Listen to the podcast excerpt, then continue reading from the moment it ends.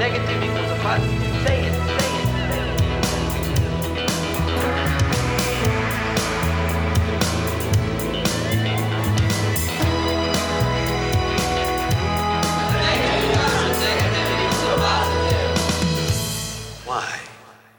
Hej och välkommen till fjärde avsnittet av vår podcast Anpassa skolan med mig Jimmy Svensson och Cissi Augstrand. ja, fjärde avsnittet. Snart kommer man, kommer man tappa räkningen.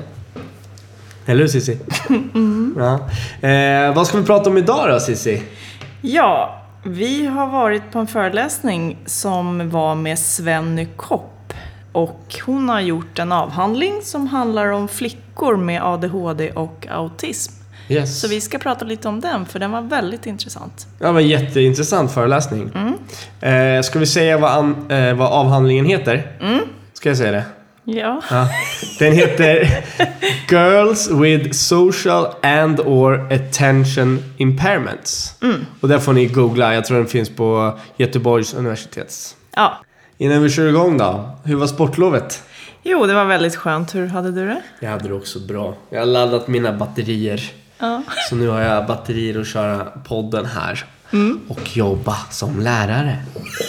Ja. Ja. ja, nej men eh, ska vi sätta igång här med vad vi har lärt oss utav Sven nu då? Ja, precis. Vi berättar lite om henne först. Eh, Hon är ju då överläkare och barnpsykiater på det här Salgrenska. Och hennes avhandling, det är ju att hon fick följa hundra flickor. Eh, från att de var små tills de var vuxna. Hon har ju följt dem alltså i många år. Och de här hundra flickorna då, då, det var sådana som hade sökt läkare främst för att de hade koncentrationssvårigheter eller problem med sociala kontakter då i skolan. Och då hade de fått remiss till den här kliniken där Sven jobbade. Mm. Eh, alltså då vart det ju att de här eh, flickorna hamnade hos läkare. Men de kollade mest då att de hade problem kanske i skolan eller hemma. Och det var ingen som ens tänkte på att de kanske hade autism eller ADHD. Men när de hade varit mer längre då i den här studien så visade det sig att nästan hälften av dem hade autism. Och även många av dem hade faktiskt ADHD också. Och då hade de här föräldrarna då istället för att få den här diagnosen så hade de förklarat flickornas svårigheter att de kanske hade ångest eller depression eller att det var problem med familjen. Eller att de har svårt att anpassa sig i skolan och så. Och det måste ju varit väldigt tungt för föräldrarna. Såklart. Ehm, och hur kan det bli så här då? Och då resonerade hon Svenny om att alla screeningtest och alla manualer som ska upptäcka autism och ADHD är ju gjorda för pojkar mellan 6 och 11 år. Och då tittar man då på beteenden som uppvisas hos pojkar och därför har de här flickorna inte fått de här diagnoserna. Det var väl lite det hon först... Jo, ja men exakt. Alltså all forskning, eh, nu har det blivit lite bättre sa hon. Men tidigare så var det ju nästan till 100% forskning var gjord på pojkar och inte på flickor. Ja. Och därefter kom ju även kriterierna, att kriterierna var gjorda på forskningen på killar och inte på flickor. Nu, hade, nu sa hon att det var, nu var det inte alls lika stor skillnad men det var fortfarande övervägande pojkar. Precis, och då, hon var ju väldigt noggrann med att vi som jobbar i skola, om man jobbar i socialtjänst, BUP eller ja, på ja, läkarkliniker, om man ska säga, att man måste ta hänsyn till att kriterierna inte helt är gjorda för flickor. Utan du måste lära dig mer om vilka beteenden de här flickorna uppvisar. Och sen gav ju hon väldigt mycket exempel då på hur, hur kan en flicka med autism eller ADHD upptäckas tidigare? För det var ju det hon ville få fram. Upptäcker vi det tidigare? Det har vi pratat om i början, första programmet tror jag, att flickor oftast får diagnosen mycket senare och de har gått flera år i skolan och kanske inte hängt med eller varit utsatta, mobbade och blivit hemmasittare till exempel. Och det har ju vi sett, så det här stödde ju mycket av det som vi har sett också. Att vi har ju fått eleverna för sent, eller särskilt tjejerna. Ja. Ja. Exakt. Hon tog upp där att vanligt, vanligast hos pojkarna att få diagnosen, det är när de är mellan 6 och 11 år. Medan eh, flickorna får diagnosen upp i tonåren, alltså ungefär fem år senare. Ja, precis. Ja. Ja. Ehm, och det menade hon var mycket var beroende på att pojkarna, de var ju jobbiga i skolan. Mm. Ja, så då blev det liksom utropstecken därifrån från lärare och skola Ja. som inte kunde Om man hantera startar en utredning. Precis. Ja. Medan flickorna, de var inte jobbiga i skolan. Men vart var de jobbiga? De var jobbiga hemma. Mm. Och Så- därför var det föräldrarna som sökte för att de inte klarade av sina... Precis. Ja, Föräldrarna sökte och det togs inte på lika stort allvar för att Nej. ja, men det funkade i skolan kanske. Ja. Ja, sådär. Så, ja men det sa hon. Ja, och hur är det då, då att det har blivit så här att man inte upptäcker flickorna alls samma år, eller man ska säga. Det är ju att det är samma symptom både på ADHD och autism, både för tjejer och killar. Men flickor uppvisar ett annat beteende, som vi sa, att vi ser det kanske inte i skolan utan ja, mer i hemmet. Så i hemmet kan det också då vara så att en flicka med autism kan vara helt utmattad när den kommer hem. Och det, man då tänker att det är ja, extrem trötthet eller depression eller sådana saker. Och det kan uttryckas även i ångest och ja, att man ser att det är någonting som har hänt. Och man förstår inte att det är autismen som har hänt. Och om man pratar flickor med ADHD så är de också hyperaktiva, men det yttrar sig olika. Där man kanske inte håller på och springer omkring och inte kan sitta still. Man kanske hoppar med foten eller pillar med håret och pratar väldigt högt eller skrattar väldigt högt men far inte runt. Och då är det ju också så att man tänker att det bara är en sprallig tjej. Jo men precis som du säger Cissi, och det sa ju Sven nu, att eh, de tjejerna, för det vart ju vissa flickor blev ju upptäckta, men det var ju de, det sa hon ju att eh, de med dyslexi, de, de upptäcktes tidigt. För att där blev det ett problem i skolan. Mm. Just det. Mm. Ja. Och så var det de utåtagerande tjejerna. Det är inte lika många tjejer som var utåtagerande så därför ja. Mm. Men de som hade det här utåtagerande beteendet, I kombination med dyslexi. ja, Ja. de blev upptäckta tidigt. Men de Just andra det. blev inte det. Nej, exakt. Lite mer då exempel på hur man kan upptäcka att en tjej har ADHD då. Det är ju det här att em, ja, de kan faktiskt sitta av hela lektioner utan att få eh, någon, någonting gjort. Man kan inte komma vidare i en uppgift. En lärare måste instruera hela tiden. Och man kanske inte ens kan hålla reda på sina grejer, skolböcker, man tar aldrig med sig någonting hem. Och har man tagit med någonting hem så får man inte tillbaka det till skolan. Eh, man kan inte göra läxor hemma. Eh, och att det kan bli att man hamnar i olika sociala konflikter med andra på skolan. Det är, ju väldigt tydligt att man ser hos tjejer som har ADHD. Precis, får jag hoppa in där lite Cissi? Mm. Ja, det du säger det, är ju att det handlar ju om att de med ADHD har ju, eh, kan ju ha väldigt svårt med de exekutiva förmågorna. Mm. Det, är ju, det, det tillhör ju den här eh, funktionsnedsättningen. Och eh, det handlar ju, de kan ju få hjälp med, för många äter ju medicin. Mm. Ja, så kan man få hjälp att höja koncentrationen.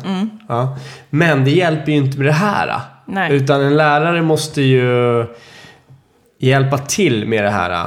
Som du precis sa, att de sitter, sitter av lektioner och så. För att läraren måste strukturera upp, göra det tydligt och så. Och man, man tänker ju alltid att man gör saker och ting tydligt. Eh, Allting är tydligt, ja men det här är strukturerat och så. Men ofta kan det vara så att eh, man, eh, man kanske, det kanske är tydligt för dig, men det behöver absolut inte betyda att det är tydligt för eleven. Nej. Nej. Och ett, gärna inte så mycket instruktioner, utan korta. Eller hur? Gärna punktform. Och, och tänk, tänk mer i punktform. Inte, du behöver inte skriva jättemycket, till exempel om vi har en uppgift. Skriv inte jättemycket, skriv ganska lite. Kort, koncist och eh, inga stora, stora uppgifter. Utan det är små delar. Upp, dela upp det. Och särskilt om du har många i ett klassrum, då måste det bli att en sån här elev ska kunna klara av att vara lite självgående där vi jobbar, då kanske vi kan sitta en till en och driva på eleven hela lektionen. Men det kan man ju inte i en större klass. Så då måste man göra en instruktion som eleven kan jobba med själv, kanske i 20 minuter. Och 20 minuter för en sån här elev är jättelång tid. Hon, eh, Svenny pratar om att man kan koncentrera sig en och en halv minut om man har ADHD och inte har medicin. Exakt, det var ganska kul för att hon, hon frågade någon där i publiken, men hur länge tror du att en eh, skulle svara på Mm. att man kan koncentrera sig? Och då var det någon i publiken som svarade, vad svarade hon? Fem, fem, Ja. 15 minuter eller 10, 10 minuter eller Ja. någonting. Och eh, då skrattade Svenne lite, nej, en och en halv minut. Ja. Och hon sa ju det väl, såklart, det här är en generalisering. Mm. Så det är olika från individ till individ som det alltid är såklart. Mm. Men en och en halv minut, då kan du inte ha så lång föreläsning, eller hur? Nej, precis. Nej. Och även ha en grej, vi säger när den här koncentrationen har tagit slut, då måste det också finnas vad gör eleven efter det. Det kan ju vara att man har en sån här extra uppgift, du får ett korsord, eller du får rita, eller nu är det dags för dig att lyssna på musik. Det måste man redan vara förberedd på innan och komma överens med eleven. Vad vill du göra när, när din koncentration har tagit slut? För det Exakt. vet ju de direkt. Man ser ju det på eleven, Ja. de vet det själva. Så det är ju ingenting som är något svårt, tänker jag. Nej, precis. Men det är ju, det måste vi tänka på att det är ju inte alltid att jag kan kolla på eleven hela tiden. Nej, jag har ju sant. massa andra också. Ja, Ja. så då ska man ju instruera eleven att den ska klara det här själv. Det är inte alltid att det sker, men i alla fall hjälpa till att möjliggöra att den fixar en hel lektion. Precis.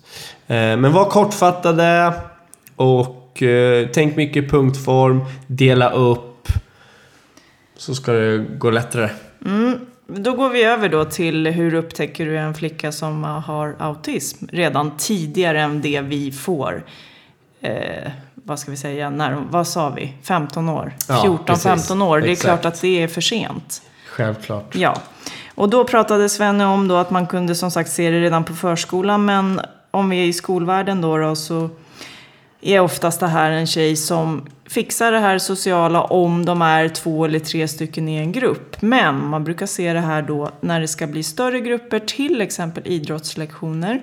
Kan vara väldigt problematiska. Det är väldigt många moment. Du ska in i ett omklädningsrum. Det kanske är för hög ljudnivå. Det är jätteljust i idrottshallen och så vidare. Och då kan man ju märka att de uteblir från den lektionen. Som vi Precis. faktiskt har tagit upp också i ett annat program. Man kan märka att de inte vill gå och äta i matsalen. Det är stojigt där. Det är massor med mat man ska välja mellan. Man kanske har problem med maten, att man bara vill äta vissa sorters mat. Och det kan ju också vara att man tycker att det luktar väldigt illa i matsalen och därav så vill man inte gå och äta. Vad var det mer hon tog Ja, upp? nej, då? men hon tog upp det här uh, ifall de är, när de är väldigt små, när de precis ska börja skolan, alltså ja, 7-8 år. Eh, då ska man verkligen uppmärksamma om flickan inte vill gå till skolan. Ja, Det är ett stort jättevarningstecken. ja, En flicka ska vilja gå till skolan. ja. Om den säger det, jag vill inte gå till skolan, då ska man verkligen reagera. Precis, precis. Som förälder då blir det ju att Ja. man får reagera. Eh, och det hon pratar jättemycket om, det var att man kan ställa en enkel fråga. Hur många kompisar har du? Och då kan flickan kanske svara, jag har många kompisar. Vad heter de kompisarna? Frågar man då. Hur många är det? Och då visar det sig nästan också alltid att det kanske bara är en. Och den kompisen ska också kunna vara en vuxen. Kan kanske flickan säga. Och då kan man också börja tänka. Exakt. Och där pratar hon ju också om när man hade samtal med föräldrar och så. Att, ja men nej men hon har kompisar och så. Och då, där fick man trycka på lite och liksom okej. men vilka är det här kom vil- Säg vilka kompisar hon har. Och så då visade det sig att det ofta var, men det kanske var någon kusin eller någon, eh, någon väninnas barn. Lite så. Det är lite skillnad på det menade hon. Jämförelsevis då med en eh, flicka med ADHD som har jättemånga sociala kontakter, jättemycket kompisar, men byter kompisar ofta, hamnar i konflikter, relationsproblem, ja kanske med pojkvänner, flickvänner och på skolan. Så det, det var det hon menar på, att det var tydliga skillnader där. Men det som vi också ska säga här, att i hennes studie så visar det sig att av de här 100 som hon eh, forskade om så var det 50% som hade autism. Ja. Och 80% av dem hade ju också ADHD. Alltså 80% av de 50 procenten med autism. Så det var ju också en ytterligare del hon pratade om. Att det var ju väldigt vanligt att har du autism som flicka så har du också ofta ADHD. Ja. Och hon menar ju på att när hon har följt de här när de är vuxna då, att eh, hon såg att de vuxna tjej, ja, tjejerna då, då med autism hade det faktiskt lite sämre i vuxenlivet än de som hade ADHD också. ADHD hade hjälpt dem lite ja, kan man säga. lite drivande då i livet. Ja. Att det var lättare kanske att få jobb och sådana saker. Medan det var stor utanförskap hos de här äh, kvinnorna då med Mm. autism som hon följde. Så Precis. Det var- Och, men det var inte bara, de hade ju även... Eh, det var även vanligt att ha andra typer utav eh, diagnoser när du hade autism. Mm, Det var, det var hög, alltså jag tror det var 40% som hade tics. Eh, Det var vanligt med depression. ja. Det var vanligt med läs och skrivsvårigheter. Alltså det var vanligt. Det, det, var inte, det var väldigt ovanligt att bara ha autism. ja, precis. Ångest, depression, Exakt. ätstörningar, Ätstörningar. självskadebeteende. Ja. Allt sånt var ju påläggsdiagnoser. Ja. Ja, och det som var, vad ska man säga, resultatet av hennes avhandling var ju att eftersom hon följde dem även till vuxen ålder så kunde hon ju se att väldigt många av de här äh, som hade autism och ADHD hade svårigheter även i vuxet liv med jobb och med barn och familj och relationer, ekonomi och allting. Så hon menar ju på att den här äh, manualerna när man ska göra utredningar så har hennes avhandling bidragit till att man har gjort extra tillägg i dem för att upptäcka de här flickorna mycket tidigare. Och det gäller ju även oss i skolan då. Vi måste ju veta om de här tecknena för att eh, flickorna ska få tidigare diagnoser. ja, för det är ju ofta skolan som eh, Uppmärksammar. uppmärksammar ja. Och hon sa ju faktiskt det, även fast de här flickorna inte hade speciellt bra i skolan. Så oftast var skolan den bästa tiden i Ja. deras liv. Alltså det var det som funkade bäst. Ja. Och det funkade inte heller speciellt bra. Nej, och det är ju verkligen tänkvärt, tänker jag. Precis. Ja, så vi som möter de här äh, flickorna i lite senare ålder, alltså lite äldre, ja, högstadiet, gymnasiet. Ehm, det vi måste tänka på är ju vad de har gått igenom innan och vilken skolvärld och, och erfarenheter det är och hur vi ska bemöta dem och hur vi ska jobba i vårt bemötande med dem. Och det är ju det här förhållningssättet som vi pratade om lite i första programmet med relationen. Och vi pratar ju även om det och att vi kan ju möta de som har haft problem i skolan i många år. Så att det tar tid att ja, skapa relation och hela det. Och det här är ju verkligen, när vi var på den här föreläsningen så var det ju så mycket som vi kände igen från det vi jobbar med idag. Och vi satt ju och tänkte att det är otroligt att det ska ta så många år innan de får riktig hjälp. Precis, och alla får inte ens riktig hjälp. Nej. Nej. Nej. Nej, men det vi måste tänka på, vi måste ju bygga tillbaka den här tilliten Mm. som de har tappat. Ja. De har inte fått den, så det finns ingen tillit längre. Nej. Så det är ju eh, bygga relationer. Ja. Det är vad det handlar om. ja, återigen. Precis. Eh, ja, det var väl lite det om den föreläsningen. Den var väldigt intressant och vi hoppas ju verkligen att eh, manualen omarbetas. Så att, det, att vi, det inte ska vara att insatserna sker från 15 års ålder utan ja, väldigt mycket tidigare. Det ska in så tidigt som möjligt. Ja. Och vi måste bli bättre och se det tidigare. Nu var inte det här något eh, lyckopiller direkt det här avsnittet. Nej, Nej, men det är väldigt, väldigt viktigt. och alla som jobbar i skolans värld eh, behöver uppmärksamma det här för då kan ju vi hjälpa de här flickorna framförallt att få den hjälpen de har rätt till. Precis. Och det vi inte får glömma är att ett generellt tidigt tecken på ADHD är ströfrånvaro, säger Svenny. Och ehm, när man inte kommer alls eh, autism. Precis, så det kan man faktiskt hålla utkik efter. Och det pratar vi också i ett avsnitt om att, ja, att kolla det här med frånvaron. Är det för, uteblir man från vissa lektioner eller är man borta långvarigt så är det ett varningstecken. Precis, uppmärksamma snabbt. Avsnitt två pratar vi om det. Eh, bra, men då tackar vi för oss idag då, så syns vi igen om eh, två veckor. Och snälla, fortsätt höra av er till oss på de sociala medierna, Instagram, Twitter och Facebook, Anpassa skolan. Och fortsätt mejla oss Ja, på anpassaskolan.gmail.com. Får vi tacka för oss idag. Tack för att ni lyssnade hörni. mm, tack så jättemycket.